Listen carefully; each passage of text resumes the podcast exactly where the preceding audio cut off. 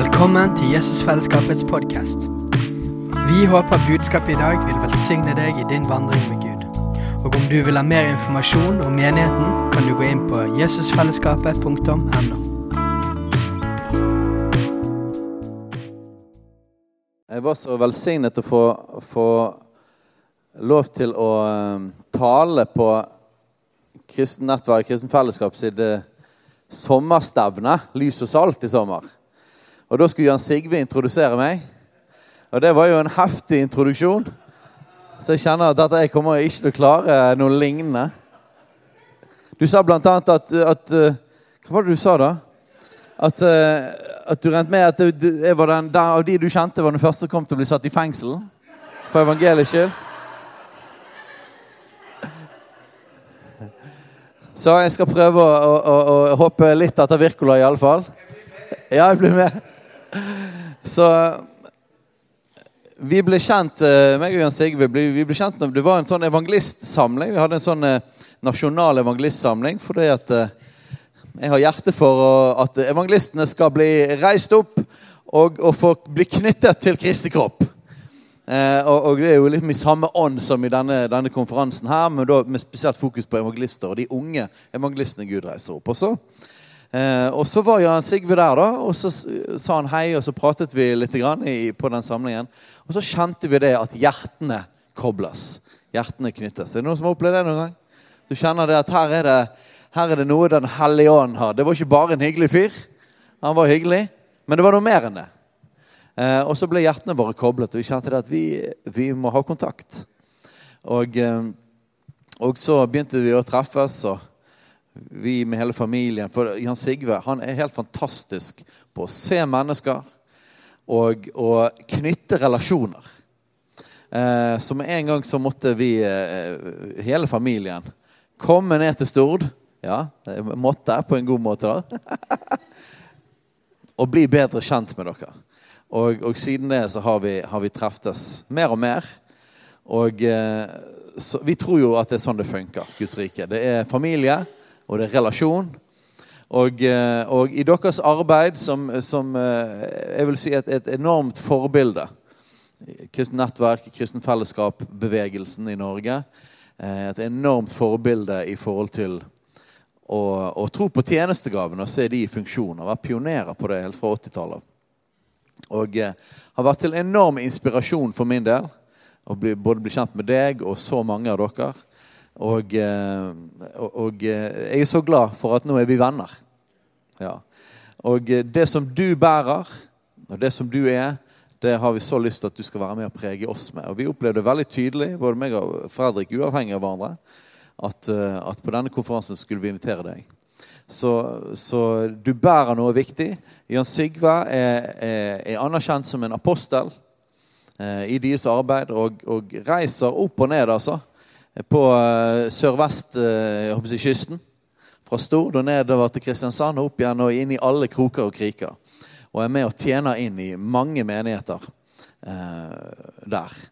Og er med å lede hele arbeidet nasjonalt. Så, de har. Så, så Jan Sigve, vi tror at det finnes apostler i dag, altså.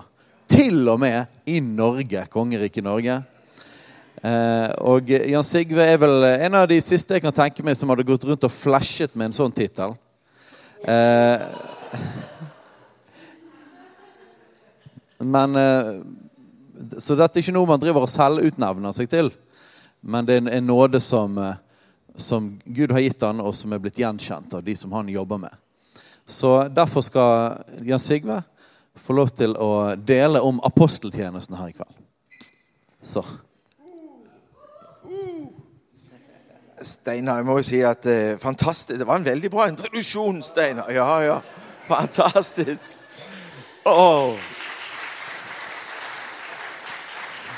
Og så, og det å få lov å kjenne det, Noe av det som var, vet du, da sto vi vel for nærmere 1000 mennesker på Lys og Salt. Og jeg introduserte Steinar og litt den koblinga og litt det han har fortalt nå. Og så sier jeg det, han er jo utrolig frimodig. Han er jo ikke skuddredd. Og, og det, med, det, han står for, det er jo Guds ord. Og vi, vi er lovt forfølgelse. Og Satte de folk i fengsel før, så kan det skje igjen. Og faktisk er det flere som uttaler det og sier det at vi er klar for å betale den prisen. At eh, om vi må i fengsel, så gjør vi det. Og da kjente da sa jeg det at da var nok kanskje Steinar en av de første som kom til å komme i fengsel. Og det som er jo fantastisk, det med det, det med det Steinar og Katrine var med og bringte inn på vår uh, sommerkonferanse Lys og salt, det var fantastisk. Vi hører så mange av de som uh, var der, hvordan de tok imot de gavene de er, og det de underviste og delte. Og, og det spilles av så det står etter i vår sammenheng, men også langt utover. Så hvis du ikke har hørt Steinar og Katrine, så kan du gå inn der og ja, Veldig, veldig bra. Så det er en ære og glede å få lov å komme her, Steinar. Vi får sitte innerst i fangehullet sammen. Ja, ja. Og så skal vi synge. Så skal vi synge sammen og oh! Yes! Halleluja.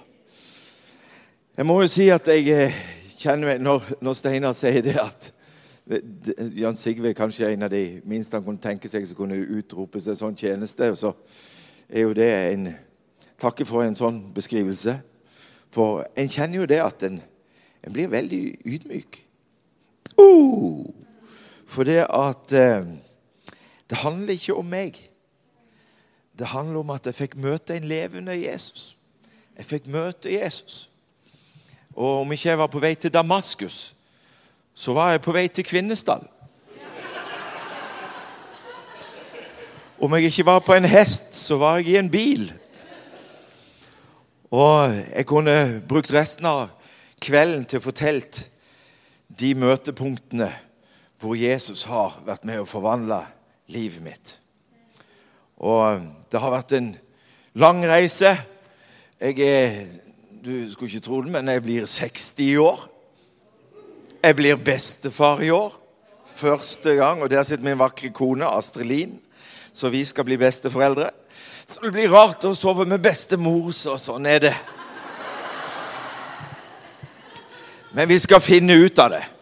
Vi skal finne ut av det. Vi er så velsigna at vi har eh, tre barn. Vi har tre gutter. En som heter Isak, en som heter Jakob, og en som heter Markus. Så det er jo skikkelig bibelsk, så nå har jeg tenkt jeg skal bytte navn til Abraham. Så, sånn at han liksom får rekka, da. For det er jo faktisk litt lov i Norge. Du som tror det, det, det er bare tull. Jeg skal ikke det. Jeg kommer alltid til å hete Jan Sigve.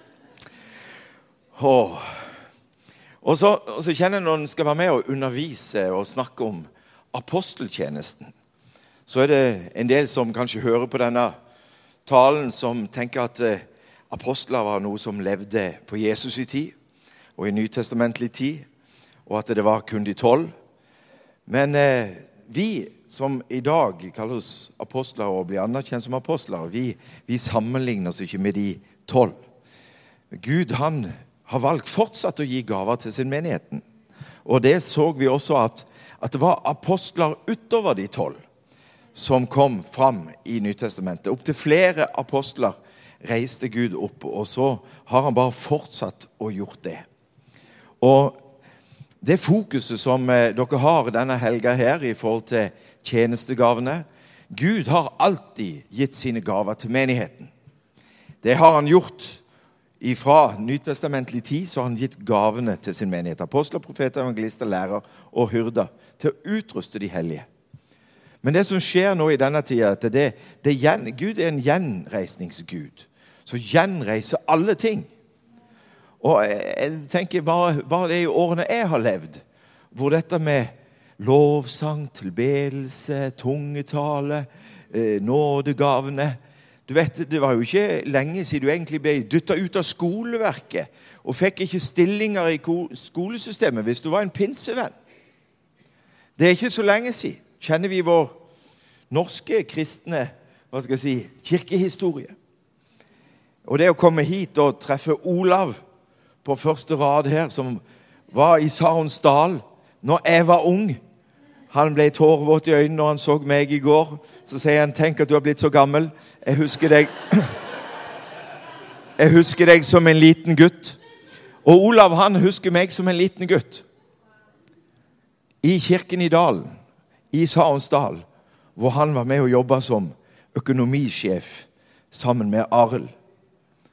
Og det å treffe Olav igjen her og høre Olavs begeistring over det Gud gjør her Å, begeistring! Og så er han en voksen mann som sitter der og bare Å, det er fantastisk! Han gjenkjenner Guds ånd. Han gjenkjenner Herrens nærvær. Han gjenkjenner Herrens salvelse. Så ble jeg så oppmuntra å få lov å treffe deg og få lov å velsigne deg. Og hvis det er flere ting dere lurer på meg angående min oppvekst og oppførsel, og alt sånn, og snakk med Olav, så får dere høre sannheten. Og det er alltid en god ting, det. Og jeg er ikke redd for å fortelle den heller. Vi har ingenting å, å skjule. Livet vårt er åpent. Paulus snakker om at vi er åpne brev. Kjent og lest av alle. Oi! Det er ganske radikalt.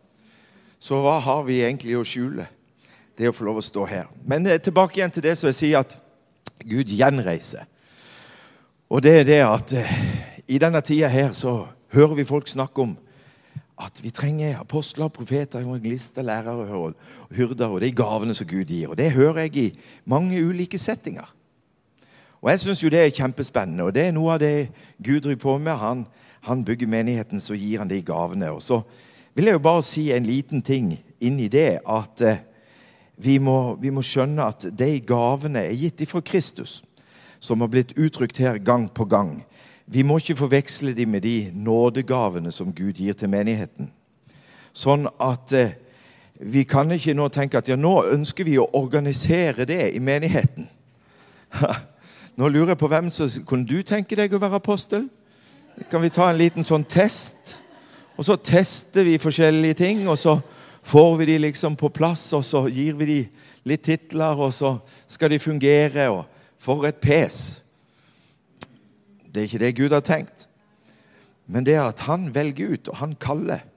Og så er ikke jeg så forferdelig opptatt av hva jeg er. Men eh, hvis det er noe av de fruktene som andre apostler ser, for jeg står i relasjoner til andre apostler som har sett en nåde i mitt liv. Og, og, det som jeg får lov å stå i i dag, det er det at jeg får lov å stå sammen med en som heter Noralf Askeland, som kommer her fra Bergen. Og Han har vært anerkjent i mange år. En som heter Terje Dale, som har også vært anerkjent i flere år. Og så ble jeg anerkjent i 2018, og i sommer i 2023 så la vi hendene på Rune Ørnes så vi får lov å jobbe fire apostler sammen i Norge og utover i verden. Og det er et privilegium at vi får lov å stå sammen og kjenne at vi er brødre. Så ulike vi er, så får vi lov å tjene Gud i lag i det oppdraget han har kalt oss til. Det er fantastisk. Halleluja. Og så driver Gud i dag også og Han driver reiseoppgaver. Og når jeg har vært her denne helga, så har jeg, har jeg sett Jeg har sett med mine egne øyne. Du vet, når vekkelsen brøt løs i mm, Antiokia, så gikk ryktene til Jerusalem. Ryktene gikk til Jerusalem. Og så sa de, 'Barnabas, reis ned og se hva som skjer.' Barnabas reiste ned. Og det står faktisk det, at han så Guds nåde, står det. Han så Guds nåde. Og Så reiste han tilbake til Jerusalem og så fortalte han hva han hadde sett. Han fortalte hva han hadde sett, med begeistring. Han så Guds nåde. Og det å se Guds nåde, det handler om å få lov å erfare å se at Jesus gjør et verk Mennesker møter Gud. Mennesker omvender seg fra synd. Mennesker blir helbreda. Mennesker får nytt liv. Det er en Jesusbegeistring. Det er et fokus på, på Han, på korset. Det, er, det var en nåde som barna bare så. Og jeg må si at denne nåden har jeg sett disse dagene. At jeg hører vitnesbyrd. Mennesker som har blitt frelst. Mennesker som har fått møtt Gud. Mennesker som har blitt reist opp. Og så er det Jeg kjenner i hvert fall sjøl jeg, har blitt vel, jeg har blitt mye mer glad i Jesus denne helga. Ja, Går det an? Ja, jeg kjenner jeg har blitt glad. Har du blitt glad i Jesus denne helga? Kjenner du at du har blitt begeistra? Kjenner du at kjærligheten til Jesus har vokst? Og det å være i Guds nærvær disse dagene, det, det gjør noe med oss. Og det å få lov å se det mm. Halleluja. Å, kjære. Jeg skal undervise, og jeg er så glad for at Steinar sier det at her i Jesusfellesskapet så har vi lange møter og lange prekener. Amen, sier de på første rad her. Hva sier de bakerst?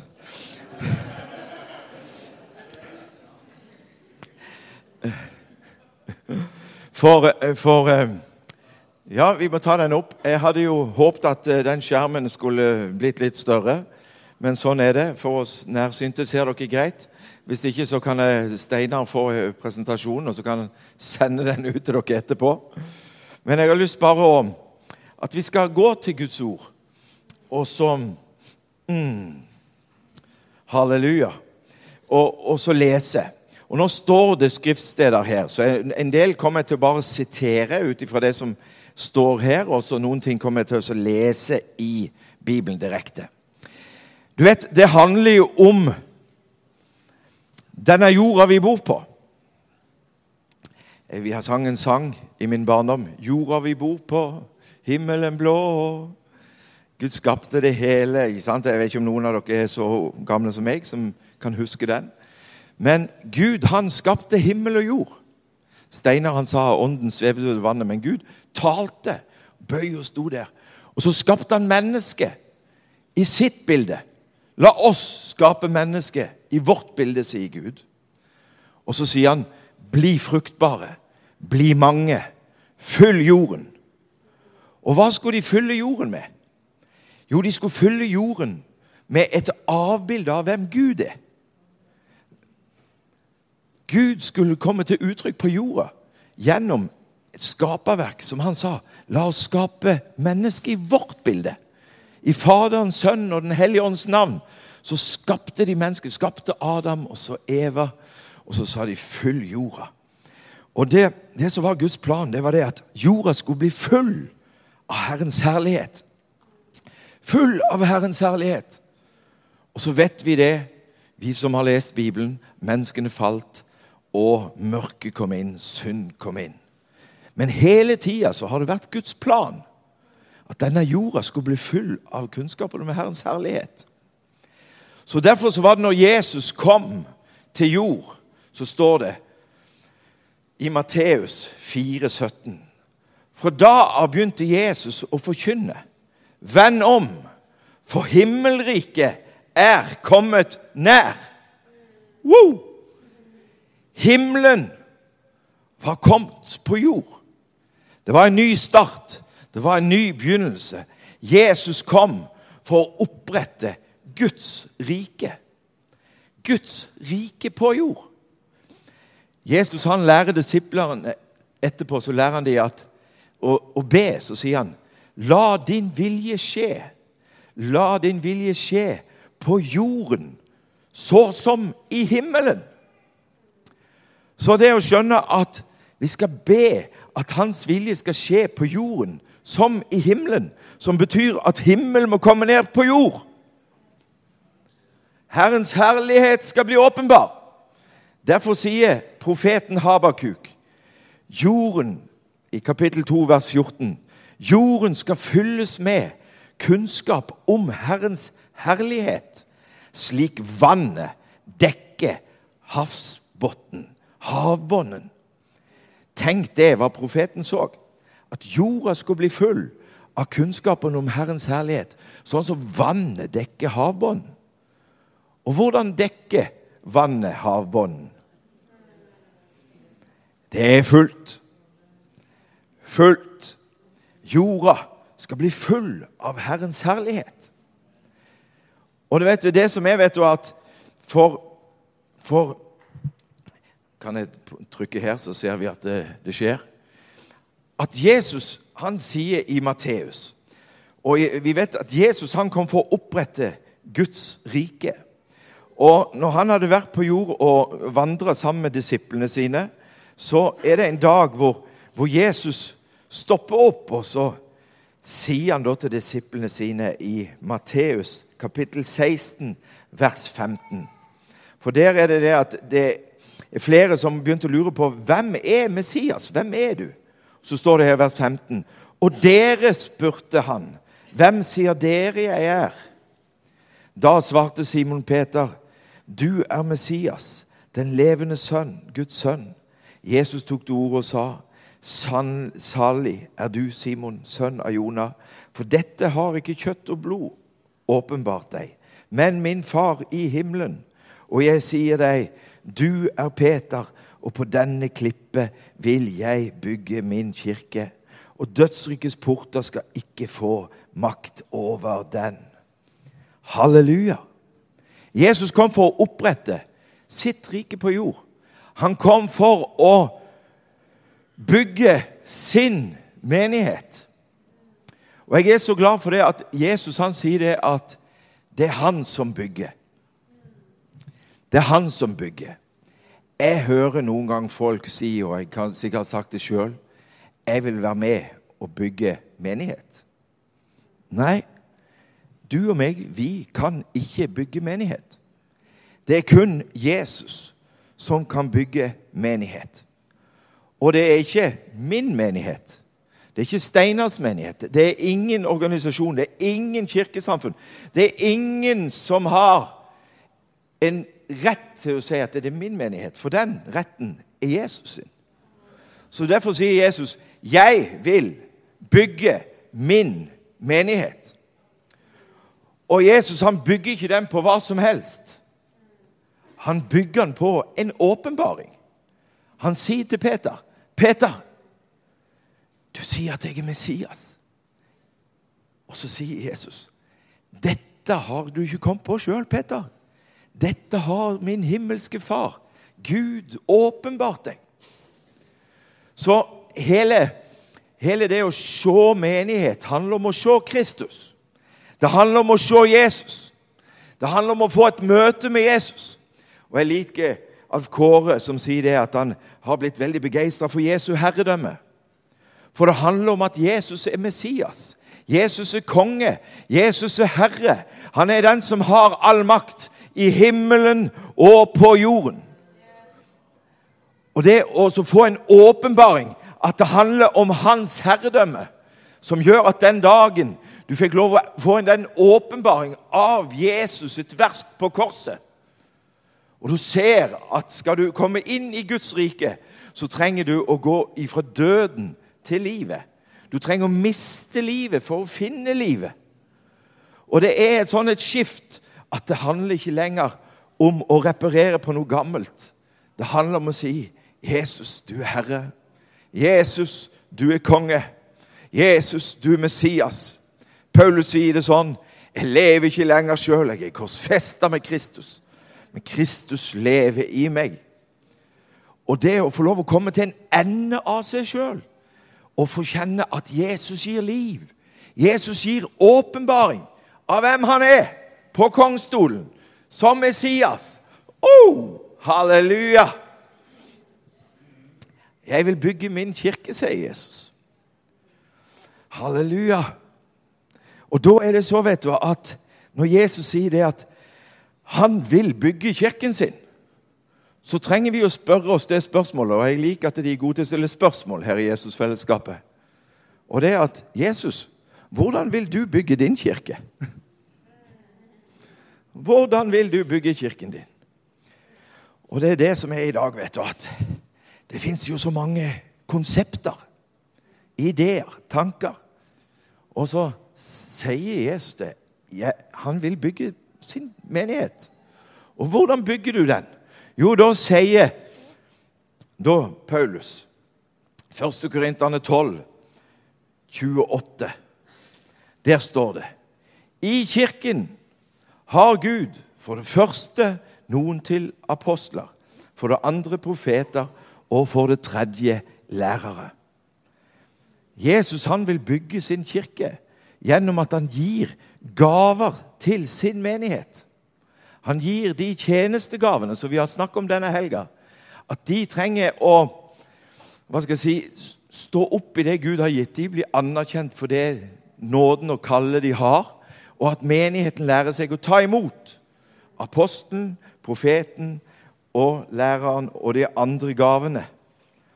Og jeg tror det at Paulusen, som var en som Gud grep bare fatt i, og som gikk og surra i en del år, 13-14 år, før han gikk opp til brødrene i Jerusalem og tok og hilste på dem. Og så står det at han Nå skal jeg si litt mitt evangelie. Og så delte han evangeliet som han forkynte. Og så ble han tatt inn i varmen. Og så er det han som skrev alle brevene til menighetene og ble anerkjent som en apostel blant apostlene. At Peter, Johannes, Jakob tok tak og sa 'Velkommen på laget, Paulus. Vi anerkjenner deg.' Halleluja. Og så skriver da Paulus dette her. Og i en lys og en åpenbaring at, at Gud satte noe først i menigheten.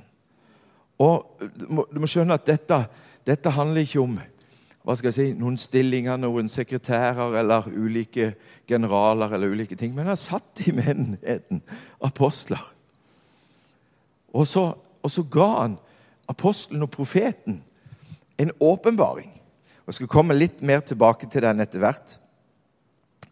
Men, men det, det er lyst bare så vi skal se på en ting. For, for, for, det som Jeg liksom tenkte ja, nå skal jeg jo snakke om dette her, men jeg, la oss si noe om hva som fort skjer når ikke apostler og profeter og gaver fort, Når ikke de er involvert.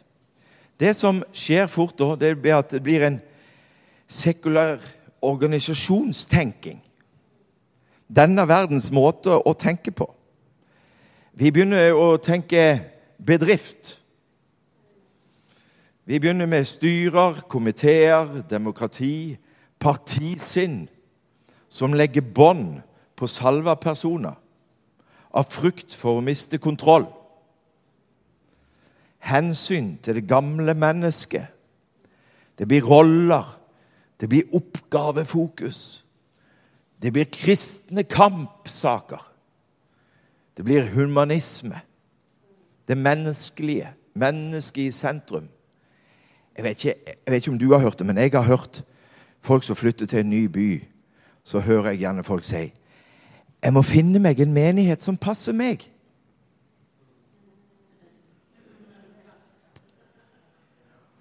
Så sier jeg ja, ja. Skal ikke finne deg en menighet som passer Gud. Ja, vi må finne en menighet som har et godt barnearbeid. Ja vel? Ja, vi finner en menighet som har den rette lovsangen. Finner en menighet som har det rette uttrykket. Hvor jeg, hvor jeg kan trives. Hvor min familie kan trives. Og så kjenner jeg jeg blir litt sånn Ja, men du stiller feil spørsmål. Hva vil Gud ha? Hva langter han etter? Hører noen tenke Nå har de kommet inn i menigheten som 85 år gamle og kommer inn, og så tenker de dette er jo bare ungdommer som er i denne menigheten. Det er jo bare familiefolk. Denne menigheten passer ikke for meg. Det er ingen på min alder. Ja, vet du hva? Har du en åpenbaring av Jesu kropp? Har du en åpenbaring av Jesus? Det er å skjønne at det handler ikke om deg. Det handler ikke om meg. Det handler ikke om Vi, takk og lov, vi er den eneste barnefamilien. Vi skal se barna bli frelst. Ja, vi er den eneste pensjonisten. Jeg trengs her.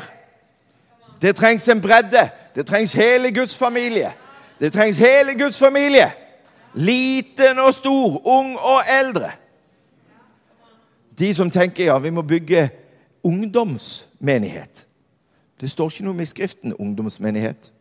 Ikke pensjonistmenighet.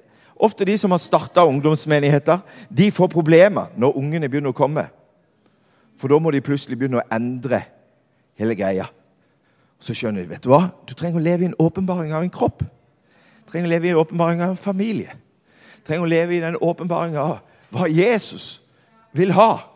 Hva er det han lengter etter? Hva er det Guds ord sier? Og Ronald han har bare malt ut i dag. Ransak Skriftene. Så når jeg har vært med og forkynt her i dag, så, så ønsker jeg ikke bare at du skal si at ja, det, det var interessant, dette her, men gå, og studer Skriften. Gå til Guds ord. Se om det stemmer, det som har blitt forkynt denne helga. Om det jeg sier, er det noe mening i det. Halleluja. For det som er at apostlos, det er et sendebud. Og hvor det er sånn at eh, ordet innebærer at man er sendt med en fullmakt til å opptre med autoritet på vegne av oppdragsgiveren. Wow. Og i går, eller tidligere i dag så sa jeg det at eh, romerne de også sendte ut apostler som skulle være med og gjennomsyre det romerske riket med de romerske hva skal jeg si, lovene og reglene. Og de var sånne pionerer som var sendt ut. Og i Johannes 10, nei, 20, 21, der møter Jesus disiplene etter oppstandelsen. Og der har han en runde hvor han sier 'fred være med dere', og hvor han viser seg etter oppstandelsen. Så sier han det. 'Fred være med dere'. Som Far har sendt meg, sender jeg dere. Så en apostel det er en som er sendt av Kristus. Sendt av Gud med et himmelsk oppdrag. Og det som er Da vet du, at da trenger vi å få tak i det oppdraget. Da trenger vi å få tak i det mysteriet.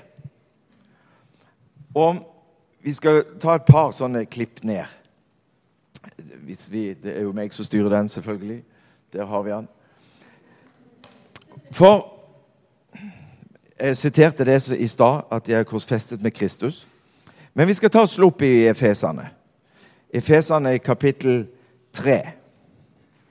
Skal vi slå opp der. Og Det har blitt lest, og du vet det å komme etter Steinar vet du, skal være med og undervise om aposteltjenesten. Han har jo tatt mange ting, og det er jeg veldig glad for.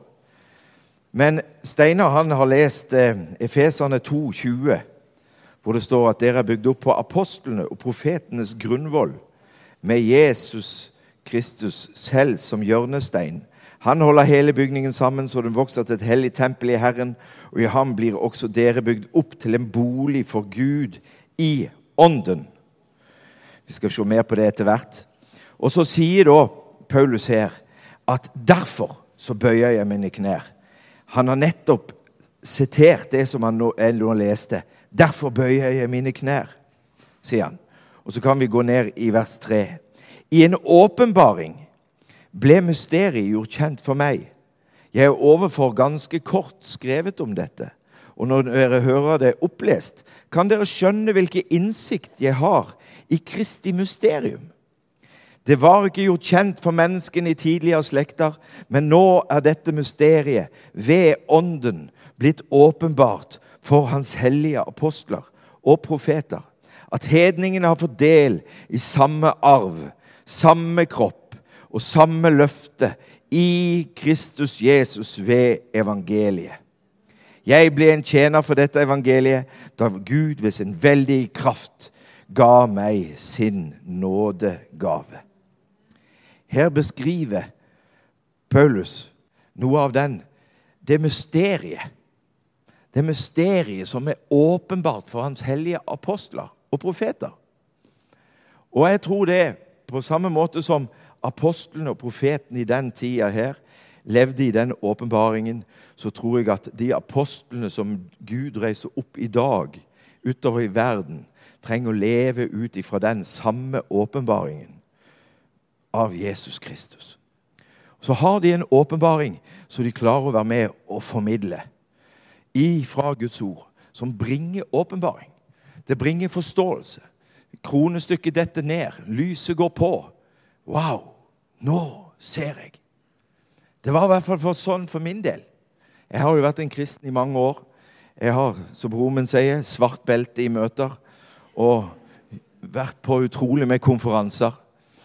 Men det å få lov å erfare at apostler er med å male Kristus Sånn at du skjønner at det er Herrens mysterie.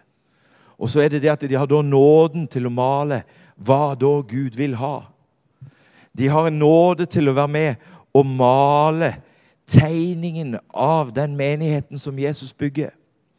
Derfor så sier jo Vi kan slå opp i Kolossene 1, 25 også. Skal vi gjøre det? Kolossene 1, 25.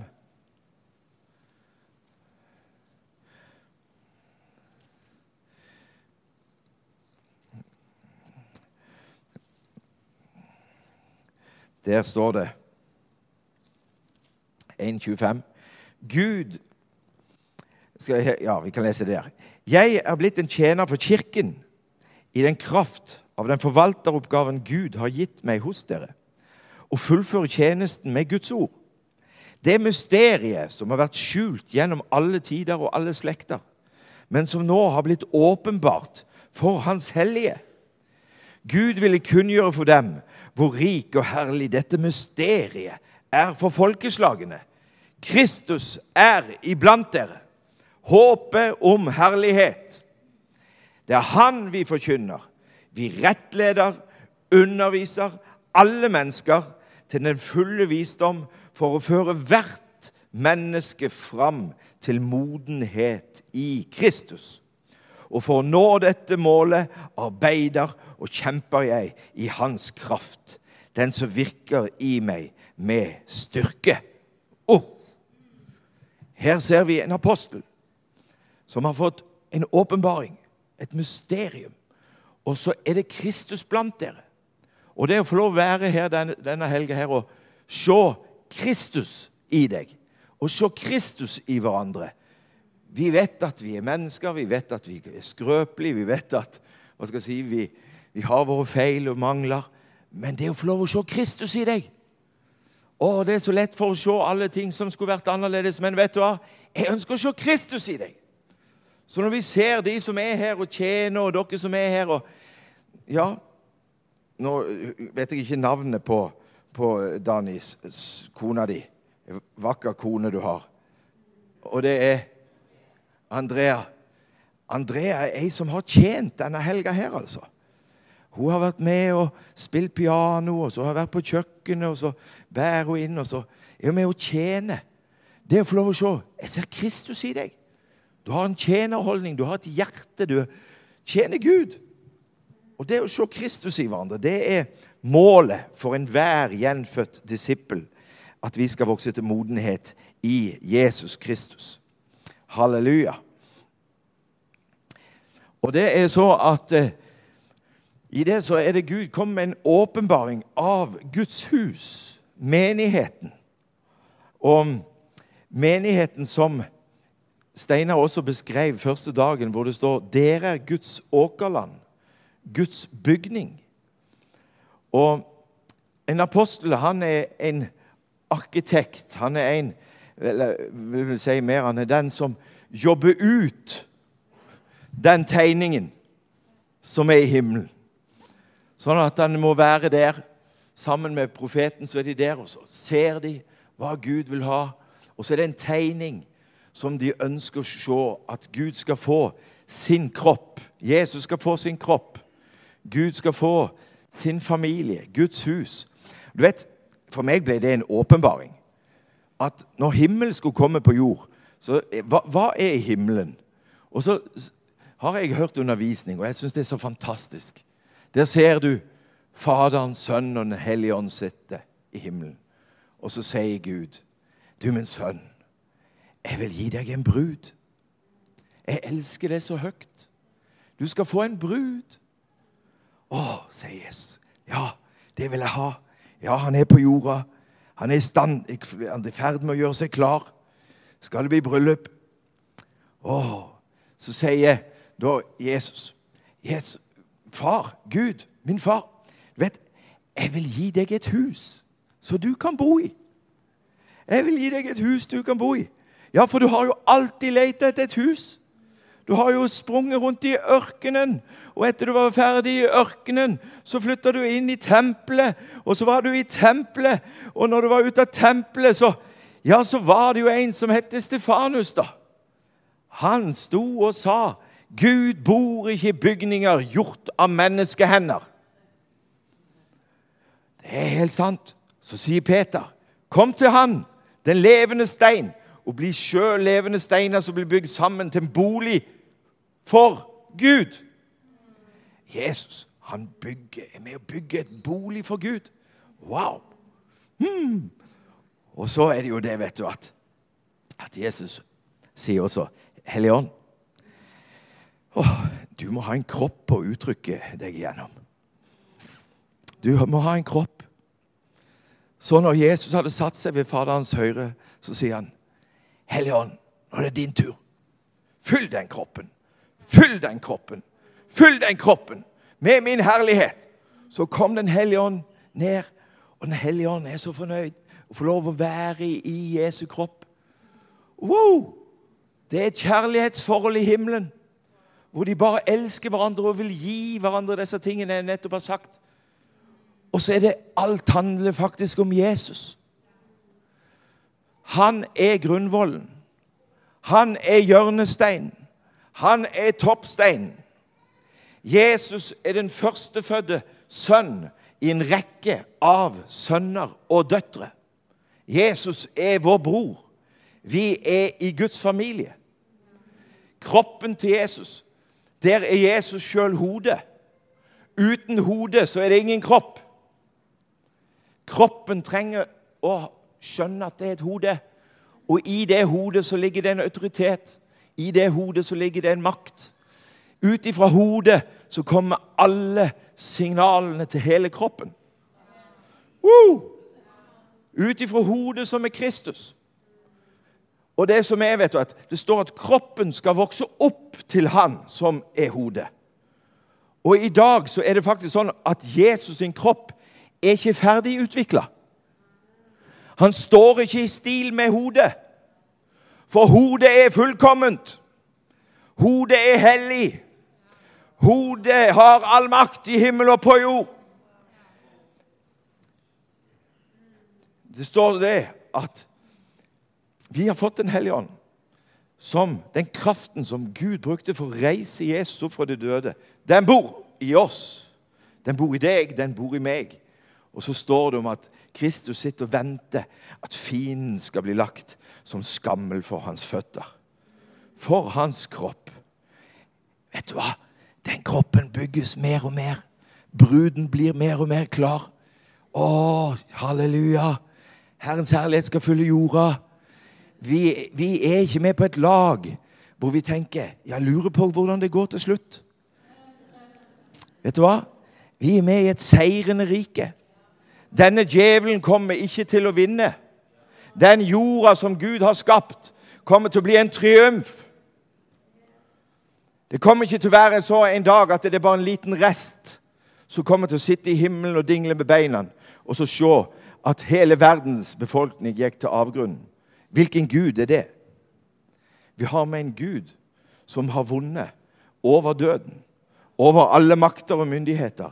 En triumfherre. Det er en seier, Herre. Og det å skjønne det, at vi er med på et seirende lag Så jeg tror på vekkelse i Norge. Jeg tror på vekkelse i verden. Jeg tror på menigheten som Jesus skal få bygge på sin måte. Og det å få lov å se det i det himmelske, at det vil jeg være med på. Uh! Det vil jeg være med på. Der trenger jeg å se at jeg trenger å være i kontakt med de som har fått den tegningen. Sånn at jeg ikke driver på med et lite anneks i hagen. Oh, yes!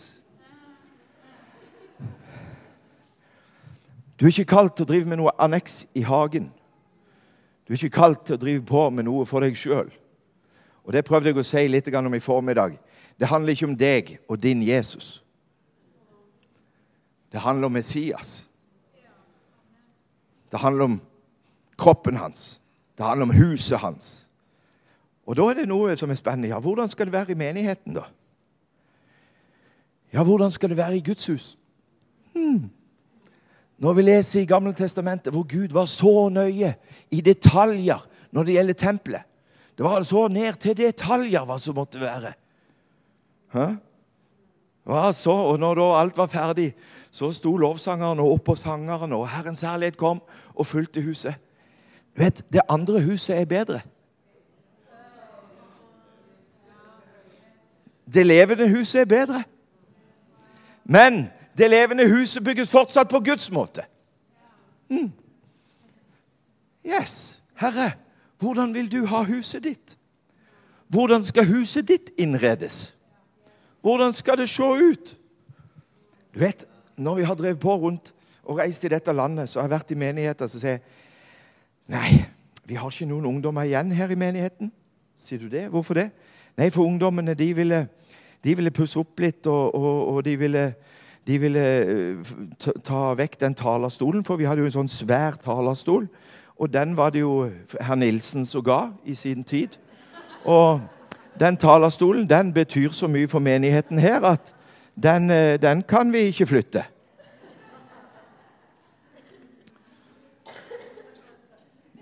Ja, hvor Ja, nei, vi har ikke noen ungdommer igjen. Nei, for du ser at ungdommene hadde sånne ungdomskvelder. og Det var så mye popkorn på gulvet, og det var så mye jobb. og så Det er faktisk sant. Så spør vi, 'Herre, hvordan vil du ha huset ditt?' Hvordan vil du ha det? Herre, du skal få det sånn som du vil. Herre, det handler ikke om meg. Det handler ikke om min stil. Det handler ikke om åssen jeg, jeg, kunne tenkt meg litt mer country. Jeg liker å gå i en sånn countrymenighet. Nei! Gud, du skal få ditt hus, din menighet, din kropp. Sånn som du vil! Uh! Halleluja! Oh, du vet Det står her i, eh, jeg siterte det i stad. Kom til han den levende stein som ble vraket for menneskene, men er utvalgt og dyrebar for Gud. Du vet, Når vi kommer til Kristus, så blir vi levende steiner. Har du prøvd å bygge med levende steiner noen gang? Oh. Har du prøvd det? Jeg har Jeg har, eh, har bygd steinmur. Steinar er vitne på det at han har sett mine steinmurer, og, og jeg har bygd de. Det, men tenk når det er da snakk om levende steiner. Og det som jeg vet at Når vi da kommer til Han, så blir vi levende steiner. Og så står det at Gud driver da og bygger sammen. Og for å si det sånn at apostelen, og tilbake igjen til aposteltjenesten Det er det at apostelen har en nåde fra Gud til å kunne bygge levende hus av steinhauger. For i dag så ser vi gjerne det at det er ei lita steinrøys der. Det er ei lita steinrøys der. Det er ei lita steinrøys der. Og da, da, er det sånn at en apostel han, han vil være med og, og tenke det at han, han er en klok byggmester. Han er en klok byggmester. Så en apostel han vil komme inn, og så vil han spørre seg Hvilken grunnvoll er det som er lagt her? Hvilken grunnvoll er det som er lagt her? Og så spør han seg om det. Og så kan en fort gjerne finne ut ja, er det grunnvollen som vi ser i Hebreane 6. Der står det om grunnvollen. Må vi igjen lære om de første ting. Grunnleggende ting. En grunnvoll. Og Jesus Kristus er grunnvollen. Men vi trenger å se at mennesker lærer Jesus å kjenne ved omvendelse. Ved tro på Gud. Ved dåp i vann. Ved håndspåleggelse. Med de dødes oppstandelse. Og med evig dom. Det er de tingene som står, som er grunnvollen. Og er det så at du har et grunnvollsproblem, Jeg kommer gjerne bort til mennesker, så ser jeg på folk. Så jeg, har du et grunnvoldsproblem? Jeg ser du er oppfaren. Du er sint. Du er tverr. Du er vanskelig. Lever du i omvendelse? Har du møtt Jesus ved omvendelsen? Har du begravd det gamle livet? Er du, er du helt begravd? Har du vært under vannet? Har du blitt fylt med Den hellige ånd? Lever du i Den hellige ånd? Skjønner du håndspåleggelsen? Å kjenne Kristus? å kjenne Jesus? Og Det handler ikke om et tema, men det handler om å kjenne Kristus som grunnvollen. Og det å få lov å erfare Kristus som grunnvollen. Jesus er grunnvollen for hver enkelt av oss som har fått lov å ta imot ham. Og det å ta en sånn en sjekk Herre, er den grunnvollen på plass. Og apostelen har en gave nettopp i Efesane 2,20, hvor apostel og profets grunnvollen, som er Jesus Kristus, hvor Jesus er hjørnestein. Jeg vet hvor viktig det er med en hjørnestein. Jeg har bygd murer. For alt må gå ut ifra den. Alt må gå ut ifra hjørnesteinen. Går det ikke ut ifra hjørnesteinen, så blir det skjevt. Men vi trenger å vatres opp ut ifra en hjørnestein. Og det er Jesus Kristus. Og der har apostelen som en klok og vis byggmester Han er ikke bare med å forkynne noen temaer. Nå skal vi forkynne om temaene grunnvollen. Nei, han er med å legge en grunnvoll. Og da kommer han med hakka og spade og alt som er, og hamrer løs. Og så liksom finner han ut Å, jeg må se her hva er det bygd på. Hva er livet ditt bygd på? Er livet ditt bygd på sand? Det står det. Har du gravd dypt nok, så du kom ned på fjell? For hvis du ikke har huset ditt på fjell, så kommer det til å rase i stormen. Du trenger å ha grunnvollen på plass i livet ditt. Du trenger å få lov å erfare Jesus i livet ditt, som gjør at når stormen kommer, så står du. Fordi at du har Jesus som er grunnvollen i livet ditt. Og Derfor så er det det med Jesu herredømme. Mm. Så når vi opplevde grunnvollen skulle legges på Stord, så kom de ned. og du vet, Noen er der at de tenker det hadde vært veldig fint Hans, hvis du kunne komme og hatt en serie på sju emner grunnvollen. Og så kommer jeg, og så ser jeg hm, her trengs det mer. Her må det gjøres en jobb. Og en apostel han vil gjøre den jobben som trengs. Han driver ikke og snakker om hvor mange bibeltimer han skal ha, hvor mange seminar det skal være. Han gjør til det blir en grunnvoll som blir lagt i den enkeltes liv, som får lov å erfare Jesus.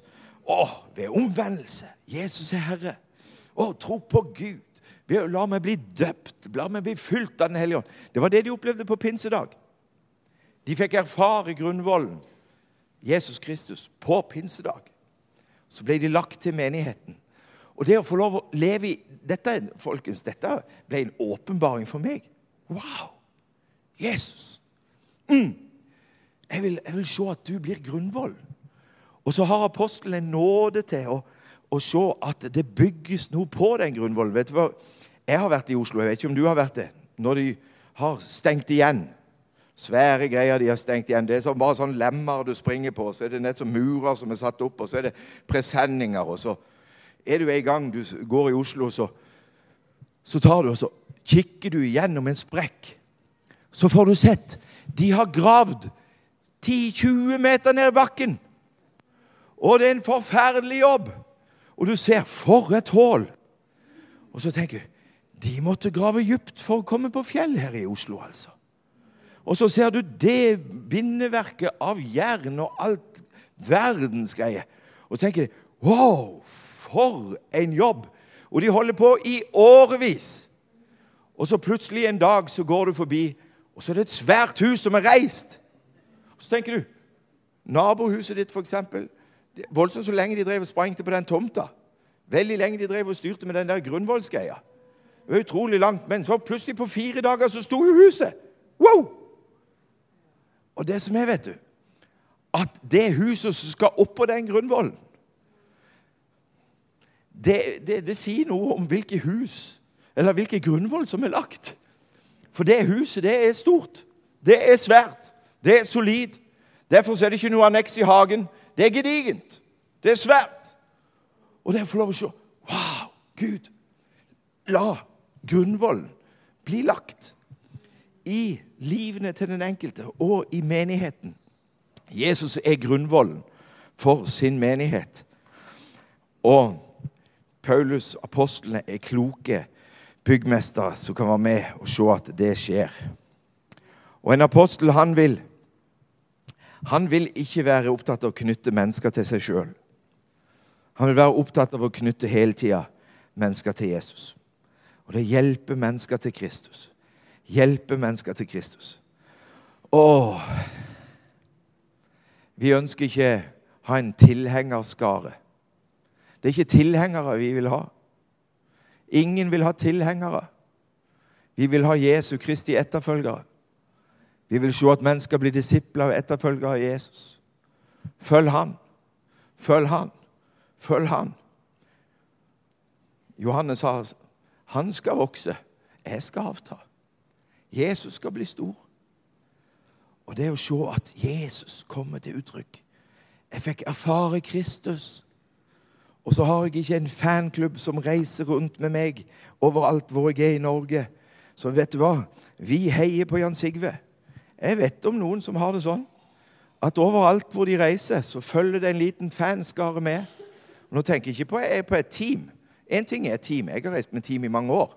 Men jeg har også sett der hvor det bare er sånne, en gjeng som er en sånn fanskare. Vet Du hva? Du trenger ikke å bli en fanskare av noe menneske. Du trenger å bli kobla på kroppen. Du trenger å bli kobla på Guds hus. Du trenger å bli kobla på Jesus Kristus. Du trenger også å skjønne at du hører hjemme. Hvilken menighet hører du til? Å, oh, halleluja!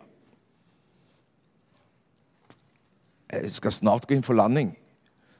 Det er deilig å si det, for da kan jeg prøve, prøve. Noen ganger så prøver de å lande flere ganger her i Bergen, har jeg hørt om. Halleluja! Og en apostel, han, han vil være med og, og Det har vi vært inne på i dag. Han vil være med og se en nåde i andre mennesker. Han vil være med og se kall over andres liv. Og Paulus, som en apostel, han, han møtte en Timoteus. Han møtte en Apollos. Og jeg syns det er helt så vakkert, det som står der, at Apollos var en som hadde kjennskap til til Kristi vei. Han, han var, han var Jesus-begeistra. Og så sleit han litt med å se dåpen. Så hadde han ikke fått den helt på plass. Men så ble han tatt med og kobla på Akvillas og Priskilla, som lærte han opp i veien. Og vet du hva? Jeg er så takknemlig for en apostel grep tak i meg. Jeg hadde ikke alt på plass, og ikke har jeg det i dag heller. Jeg er på vei. Men det å få lov å se at det er noen som ser en nåde der, noen som ser et kall der, og som henter deg ut, og så kobler med mennesker som gjør at vi kan få lov å ja, bli slipt, bli danna, få lov å legge av meg. Og det kan jeg bare si ut ifra der hvor jeg kom, så var det en hjerteknytning når jeg møtte en apostel som Noralf. Jeg hadde ikke ei sjekkliste. Hva mener du? om det? Hva mener du om det? Hva mener du om endetida? Hva mener du om Israel? Hva mener du om menigheten? Hva mener du om lovsang? Du, eh, angående barnearbeid, hva mener du om det? Fins det noe Jeg hadde ikke en sånn liste. Men jeg opplevde en hjertekontakt. Og så kjente vi at det var hjerter som ble smelta sammen. Ut ifra at vi hadde en felles åpenbaring og forståelse eller kjennskap til Jesus, så ble vi knytta sammen. Og det å se Paulus jobbe i et, i et team av medarbeidere Dette får lov å se at han knytter til seg ulike gaver. Og så er det så fantastisk vidunderlig at, at Paulus han, han snakker om vennskap, en bror. Han snakker om en medarbeider. Og han snakker om det at en stridskamerat. Og det å få lov å lese om disse her arbeiderne og jeg måtte lese i Romerne, i slutten av Romerne, og lese den lista som står der i slutten av Romerne. Les den. Og se hva Paulus hilser til romerne. Og så der fant jeg en.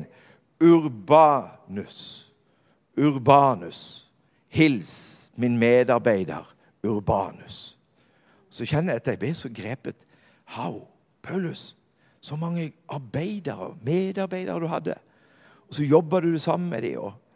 Og det står det at, at Paulus, når han var i Aten, i 1. Tessalonikerne 3, 1 og utover, så står det det at han, han, han, han ventet, Eller de, de, han sendte Han kunne ikke vente lenger hvor det, hvordan det sto til med tessalonikerne. Så han måtte sende Han sendte Timoteus ned til tessalonikerne for å se hvordan det sto til med dem. Og det å lese der hvordan en arbeider ble sendt så apostler er med å sende arbeidere ut for å se hvordan det står til med menighetene som man jobber inn i. Og det vi tror, det er det at Gud han reiser opp baser. Baser for apostler. Og nå er det så at, at Paulus hadde en base i Antiokia. Og det å få lov å se at han, han i Apostelens gjerninger 1427, hvor det står det hvordan de kom tilbake til Antiokia og ga rapport om hva Gud hadde brukt dem til. Det var en base hvor de fikk lov å slappe av og være hjemme og legge beina på bordet. og Fortelle om seirene, fortelle om motgangen, fortelle om alt det de sto i. Så reiste de ut igjen i, fra Antiokia. Og det å se at det var menigheter som kobla seg på Paulus' tjeneste, sånn som menigheten i Filippi, som var med og sto med i arbeidet. Menigheten i Makedonia. Og menigheten i Makedonia, der står det i andre Korinterne 8,5, så står det at de var, de ba inntrengende om å få lov å være med på gaven til de hellige. Inntrengende. Så står det og de ga langt utover evne. ga de. Så står det de ga seg først til Herren, og så ga de seg til oss. Paulus erfarte at menigheten i Makedonia ga seg til Herren, og så ga menigheten seg til arbeidet som Paulus var med å lede. Og så tjente inn. Og menighetene sto med i bønn med arbeidere, de sto med med økonomisk støtte, sånn at, eh, at det kunne bli vekst. Halleluja. Og en apostel og Jeg håper du hører litt ut med det i ørene. For nå snakker jeg mye ut ifra Paulus. og Paulus var jo en apostel, og vi tror på apostler og profeter. Tjenestegaver. Men en av oppgavene til en apostel det er å være med og innsette eldste det var med å innsette eldste ledere i menigheten. Og Det ser vi i Apostlenes gjerninger kapittel 14. så står det det. I hver menighet valgte de ut eldste for dem, og under bønn og faste ga de dem over til Herren. Og Paulus sier til Titus at når du kommer i, eh, i, i, i på Kreta, hvor han skal være med og gjøre det som trengs, og gjøre det som er ugjort. Og så står det at han skal være med og sette inn eldste. Så Paulus og hans medarbeidere, som apostelens medarbeidere, var med å sette inn eldste i menighetene. Og det, det er i dag mange ulike modeller for lederskap og, og sånne ting. Men jeg tror på det Bibelen sier om at det er eldste. Ja, men er ikke det et gammelt uttrykk? Ja, men det har et innhold. Og som en god venn av meg sa her om dagen, at han hadde spurt en god venn her i Bergen at kan vi ikke bytte ut det, for det er liksom, kan vi ikke bare kalle det lederskap? Ja, jo, vi tror på et lederskap, men det er noen eldste. Og det er å se at det er eldste i menigheten Sjøl er jeg en eldste, og jeg er en medeldste, sammen med tre andre eldste. Og det å se at eldste har ulik utrustning. De er fedre i Guds hus. De, er, de utfyller hverandre. Det, ikke, det, går ikke på karisma. Det går på karakter. Det går på hvilke karakter. Titus og Timoteus skriver om det. Les lista hvilke kriterier de skal oppfylle.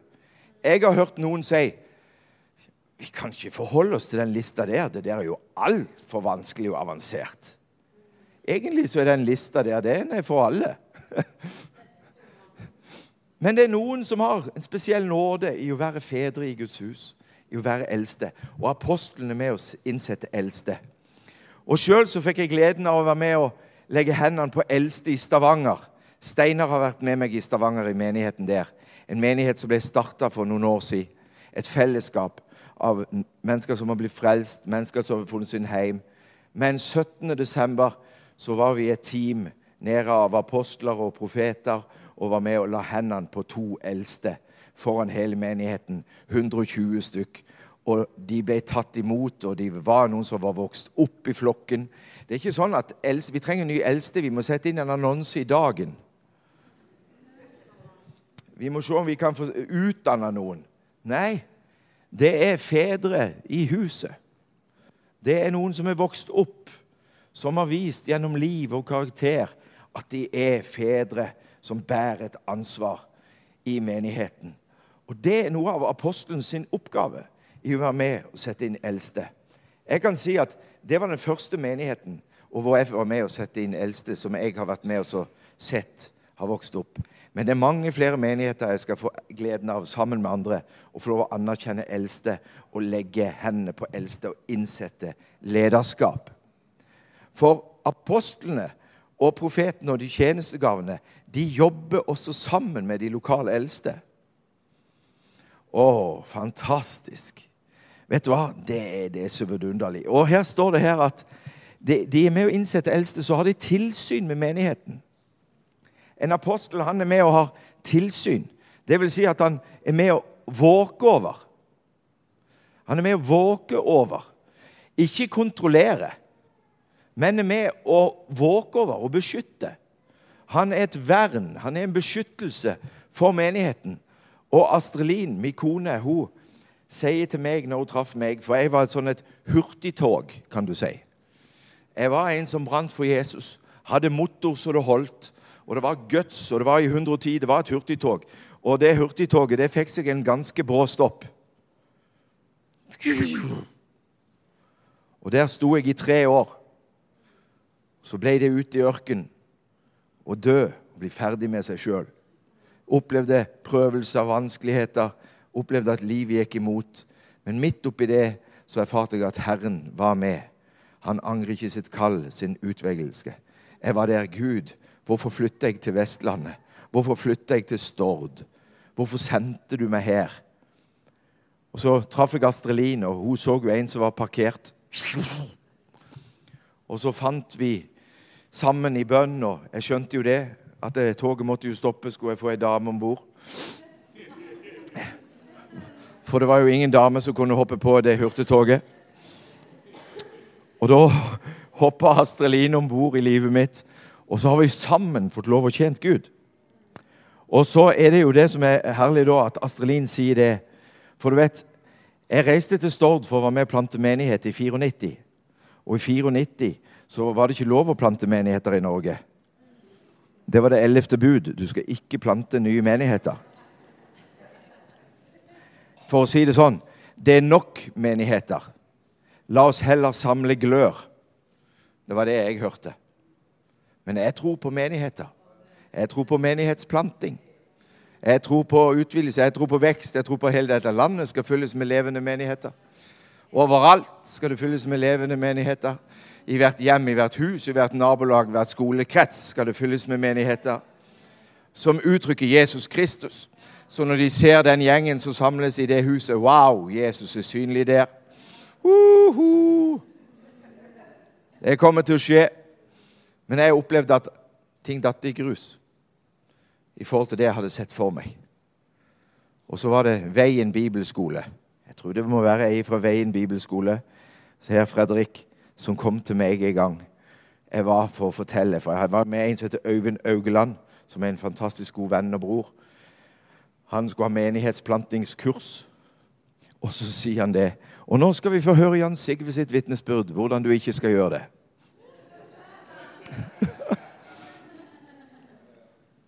og så vitna jeg hvordan jeg opplevde jeg ikke skulle gjøre det.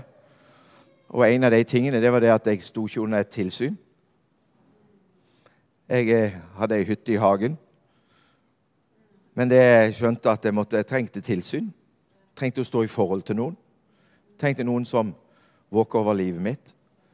Og så er det ei dame fra Jesusfellesskapet som er der. Og ikke vet jeg hvem det er i dag. Hvis det er noen som vet hvem det var, så vil jeg gjerne ha kontakt med henne ca. år 2000. Så kommer hun bort til meg og så sier jeg, for jeg fortalte det, det var nett som å miste et barn, sier jeg. Nå har jeg vitna. Jeg hadde født et barn, og så mista jeg det. Og så sier hun det. Jeg er Sier hun det til meg. Jan Sigve, jeg ser du er gravid igjen. det, du skal ha et nytt barn. Men det som er, vet du, du tør ikke å snakke så høyt om det. For du er redd for at du skal miste det også. Men jeg har unnfanga det på nytt. Med nytt fellesskap. Med ny menighet. Og jeg kjente Ja, det sparker! Yes! Det er sant! Det er sant! Ja, Herre, igjen. Og så tenker du Du vet, du kan ikke plante en menighet to ganger på samme plass. Men det var jeg med og gjorde. Og så sier hun til meg det ja, jeg, jeg, har jo opplevd faktisk å bli gravid sjøl. Og så har jeg mista barnet. Og Derfor så ble jeg også redd for å ikke si det til noen. Men du er gravid, og du skal få mange barn. Du skal få se mange menigheter. Du skal få se mange fellesskap. Så bare profetert over meg ei dame her i Jesusfellesskap, eller i, på vei i en bibelskole. Jeg går ut fra at dere sikkert hadde kjent henne. Og du vet, det slo til Og så får jeg lov i Guds nåde å se at Jesus bygger menigheten sin. Mm. Jeg anerkjenner Guds nåde, ser at han gjør noe. Og så er jeg så takknemlig for at det, Og det var da kona mi sier Jan Sigve, du finner ikke på å plante menighet igjen uten tilsyn. Uten tilsyn. Uten å ha noen du står i forhold til. Uten noen som har våk over livet ditt og vårt. For jeg som en apostel, uansett hvem du er, så kan vi alle gjøre feil. Vi kan alle falle. Vi kan alle vanskjøtte familien. Vi kan vanskjøtte økonomien vår. Vi kan falle i synd. Det er så viktig at jeg lever ansvarlig. Og det er noen som ser inn i livet mitt, og som kjenner meg, og som kan få lov å vandre ut sammen med meg. Og det er så viktig for hver enkelt av oss som også er her. Og det som en apostel også er med å gjøre, det er at han er med å bringe dom. Jeg skal ikke, Det står helt eh, nesten nederst der det står at en apostel har autoritet til å bringe inn dom sammen med eldste. Og Det var det som skjedde i Korint. At Paulus kom inn og bringte dom der det hvor det var hor og umoral. Og Det kan du lese i de versene der. Jeg skal nå ta min andre landing. Og så er det en, ting som også en apostel vil være opptatt av. Og det har vi jo hørt litt om i dag. Dere som ikke var der, må høre ettermiddagen. Men en apostel han er opptatt av læren. Det står at trofast så holdt de seg til apostlenes lære. Det var en lære som apostlene bar, som de var trofaste mot.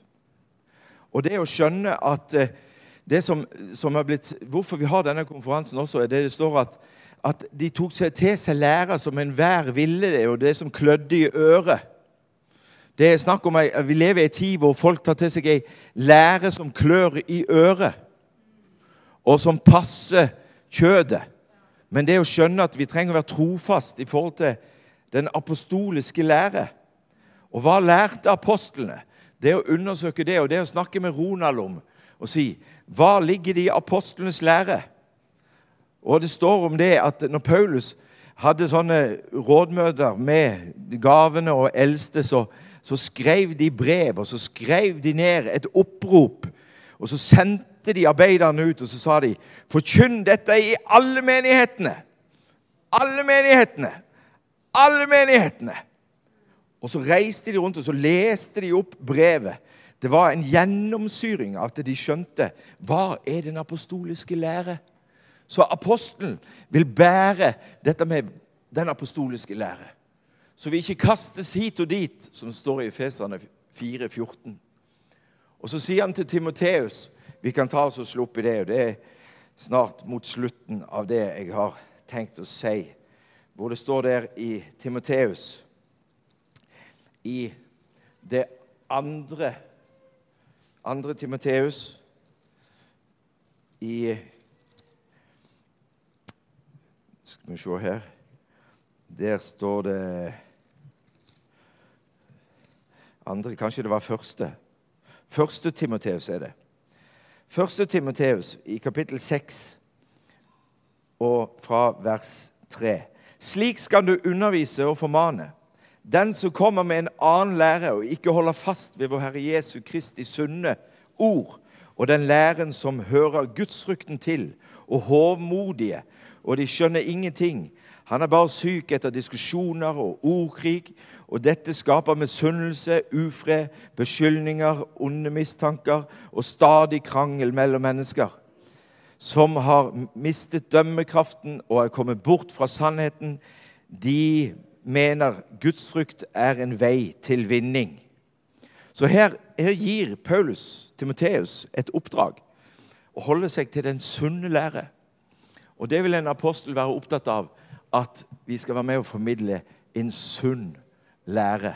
Og så står vi også Paulus at han var oppgitt av å gi, gi dette videre til sine medarbeidere.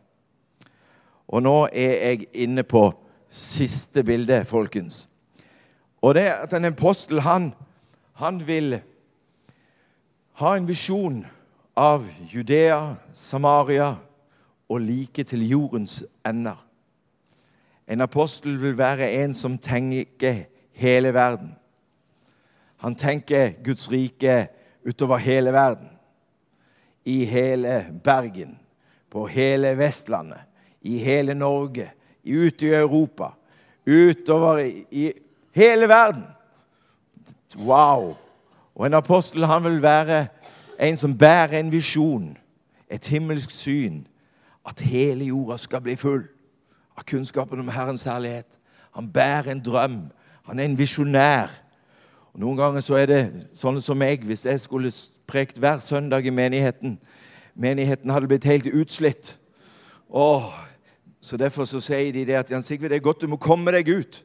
Du må ikke slite ut menigheten. Menigheten, du må, du må komme deg ut og stå på. Og Sånn er det med oss som bærer det kallet og den nåden, at vi trenger å gå videre. Og så står det som et av de siste punktene så står det 'Husk på de fattige'. Og det står i Galaterne, i kapittel 2, så står det det at Paulus han sier det at eh, vi måtte bare huske på de fattige, og nettopp det har jeg lagt vind på å gjøre. Så en apostel vil alltid bære med seg et aspekt av barmhjertighet, av å se nøden, se fattigdommen, og være med og møte de behovene. Og Derfor så i våre konferanser så pleier vi alltid å starte hver konferanse med at nå skal vi ta et offer til de fattige. Vi skal gi til de fattige. For Og det gjør vi hver gang. For det, at det er noe vi har sagt, det vil vi gjøre. Vil gi til det, først til de fattige så gir vi et godt offer. Og Det er noe av det som en apostel vil bære. Og Jeg vet ikke om du har lagt merke til det, men jeg eh, valgte denne layouten på powerpoint-presentasjonen min fordi at det symboliserer verden. Det er kule. Det er jordkule. Og inni der så ser du at det er mange linjer og tråder. Så ser du noen prikker innimellom. Og det som jeg opplevde Herren talte til meg, at Gud i denne tida her reiser opp apostler, profeter, evangelister, lærere og hyrder. Herren han gjenreiser apostoliske team. Han gjenreiser apostoliske baser.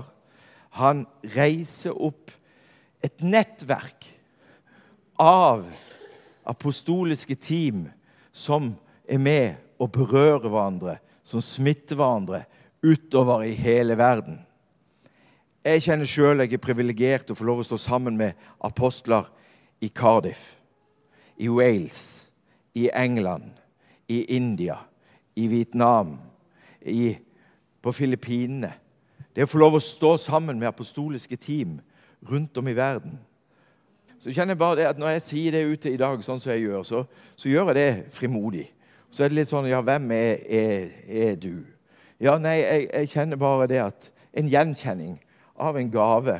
Og det er blitt snakka om, og vi har prata om det, og vi kjenner det at Herre, det, det kommer en tid hvor vi skal få lov å erfare og bare sammen med menigheten og sammen med alle gavene eh, få lov å være med og legge hendene på dere. Feste, feire, få lov å se at dere blir wow, Springer i det Gud har for dere. Oh, oh. Og det som er, vet du, det er at Gud kommer til å reise opp sånne nettverk i Norge. Og for at du skal høre rett det handler ikke om kristen nettverk. Jeg står sammen med fire apostler som jeg jobber tett med. Vi jobber i lag ut ifra det Gud har satt oss i sammen. Men Gud reiser opp nye apostoliske team. Og Gud knytter nye arbeidslag sammen. Og det å få lov å se at det skjer i dette landet, det kommer til å skje. For det er profetert utover Norge at det skal vokse opp mange apostoliske team i dette landet. Og vi skal få lov å se og erfare det og få lov å ta imot dem. Og så skal vi få lov å erfare og kjenne at vi får lov å stå sammen for at Jesus skal få den menigheten som han vil ha. Den kroppen han vil uttrykke seg i. Den familien han vil demonstrere her på jord. Oh! Og da er det så at da, da er det en åpenbaring. Så Herre, jeg ber om en åpenbaring for oss alle sammen, Herre. Herre, at vi får lov å se det himmelske synet. At vi kan få lov å se det og kjenne, Herre, ja, komme, la din vilje skje i himmelen så på jorda. La din vilje skje i menigheten her, i Bergen by, og i Polen, og på Færøyene. Halleluja. Herre, der du åpner dører, for du kommer til å åpne dører i Ukraina, du kommer til å åpne dører mange plass. Herre, jeg priser deg for det at du vil bare åpne og åpne og åpne. og åpne. Halleluja. Og takk for at de skal få nåde, Herre, til å gå inn i de dørene som du har åpnet opp, Herre. Herre, jeg ber om at du skal beskytte dem for mennesker, Herre, som ønsker å oppta deres tid. Feil, Herre. Men at de skal få lov å få nåde til å høre ifra deg. Gjøre det du ber om, Herre. Jeg ber om det i Jesu Kristi navn. og Jeg ber om et vern og beskyttelse over familien deres, Herre. Ekteskapet, Herre. Å, barna, Herre, bare be, Herre. Hold i hånd over dem, Herre. I Jesu Kristi navn, Herre. I Jesu Kristi navn. I Jesu Kristi navn, Herre. Halleluja. Uh, halleluja. Takk, Herre. Mm. Takk, Jesus. Halleluja. Mm. Og For deg så tenker jeg at det å gi seg til høres så skummelt ut. Jeg husker Fredrik han sa det når vi prata sammen. Så sier han det at dette kan jo virke litt skummelt, for det forplikter. Og Vi lever i et land og i tid, også i en kristenhet, hvor forpliktelse er noe som folk sliter veldig med. Det er å forplikte seg. Det, folk sier ofte det Ja, jeg kan godt være med, men jeg forplikter meg ikke. Jeg må jo se. Hva er neste? For å si det sånn jeg har kommet til veis ende. Jeg har kommet til veis ende. Ja, hva mener du med veis ende? Gud har mye mer for meg. Men jeg har sett noe som jeg ikke kan gå ifra. Om du tilbyr meg 500 millioner i verdens største pinsemenighet og blir pastor, jeg ville sagt nei. Fordi jeg har kommet til en ende av at jeg har sett noe. Jeg er ikke på leit etter noe mer, for jeg har fått lov å sett noe. Det Jeg vet hvor jeg står. Jeg vet hvem jeg er gitt til. Jeg vet hva Gud vil ha. Jeg vet hva han bygger. Så, å, så derfor, så, derfor så kjenner jeg meg trygg. Og du skal vite det at det å gi seg til noen mennesker Det å skjønne det at eh, når jeg sier jeg har gitt meg til apostler, så det er et vern og en beskyttelse for meg. Og en apostel er ikke en suveren konge på en haug. En apostel jobber i team. En apostel har andre som han står sammen med. Han lever transparent. Han inkluderer andre. Vi ser på ting sammen. Vi jobber i et team. Jeg må si det. Det jeg har erfart, er noe av det sunneste jeg har sett. Og det er jo fantastisk når vi da ikke, Det høres rart ut, men ser det til og med i Bibelen! Til og med. Ja, det er her vi burde se det. Så burde vi gripe det. Så blir det sagt Wow, det der er jo fantastisk. Det er frigjørende. Det frigjør alle til å tjene med alt det Gud har gitt deg. Halleluja! Takk og lov og pris. Å, det er ingen som er ute etter å kontrollere deg. Men du vet, en god pappa han vet jo det når ungen står og veifter med kjøkkenkniven. Så sier han det at 'Gutten min, kom her. Det der du driver på med nå, det skader deg sjøl, og det kan skade andre rundt deg.' Og det å ha en sånn far en eldste i menigheten som kan være med og hjelpe oss i å oppdra oss til beste for oss. Fordi jeg elsker gutten min så høyt. Det er derfor jeg sier det. Måten du driver og skvaldrer rundt til alle disse her om alle disse baktalsgreiene, det må, du bare, det må du bare kutte ut. Du vet, Surdeig det kan vi ikke ha her i menigheten. Jeg får ikke lov å mene hva jeg vil. Jo, det kan du, men vi kan ikke ha det sånn rundt her. Ja, Er du mot meg? Nei, jeg er ikke mot deg. Jeg er for deg. Jeg elsker deg. Men jeg ønsker å hjelpe deg, sånn du kan legge det av. For det, vi ønsker ikke å ha det her. Uh, ja, takk, takk for at du tok meg. Å, du hjalp meg. Å, å, takk, Jesus. Takk for nåden din. Ja, begynn å velsigne dine fiender. Begynn å tale vel om dem. Begynn å sette pris på dem. Ta oss og Vær med og sette de andre høyere enn deg sjøl. Å, det blir så salig. Vær med og oppkvikk andre, for når du gjør det, så blir du sjøl oppkvikka. Halleluja! Jeg må ikke begynne på preken to. Åh.